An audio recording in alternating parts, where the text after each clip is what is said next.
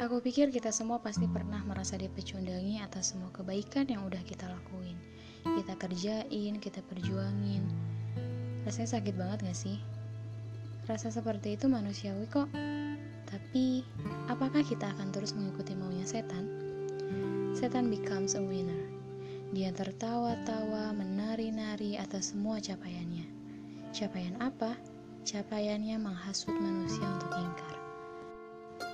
Quran Surat Luqman ayat 16 Wahai anakku, sungguh jika ada sesuatu perbuatan seberat biji sawi dan berada dalam batu atau di langit atau di bumi, niscaya Allah akan memberinya balasan.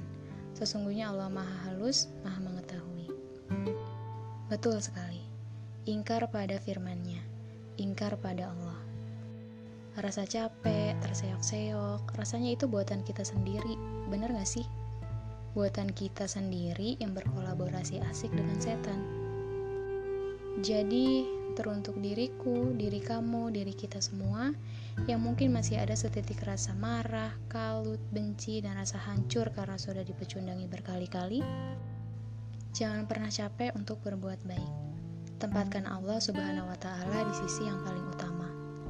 Hati kita, pikiran kita, jiwa kita berhak untuk. Maafkan semua pecundang, maafkan semua yang dirasa nggak adil, selesaikan berharap pada dunia, pada manusia.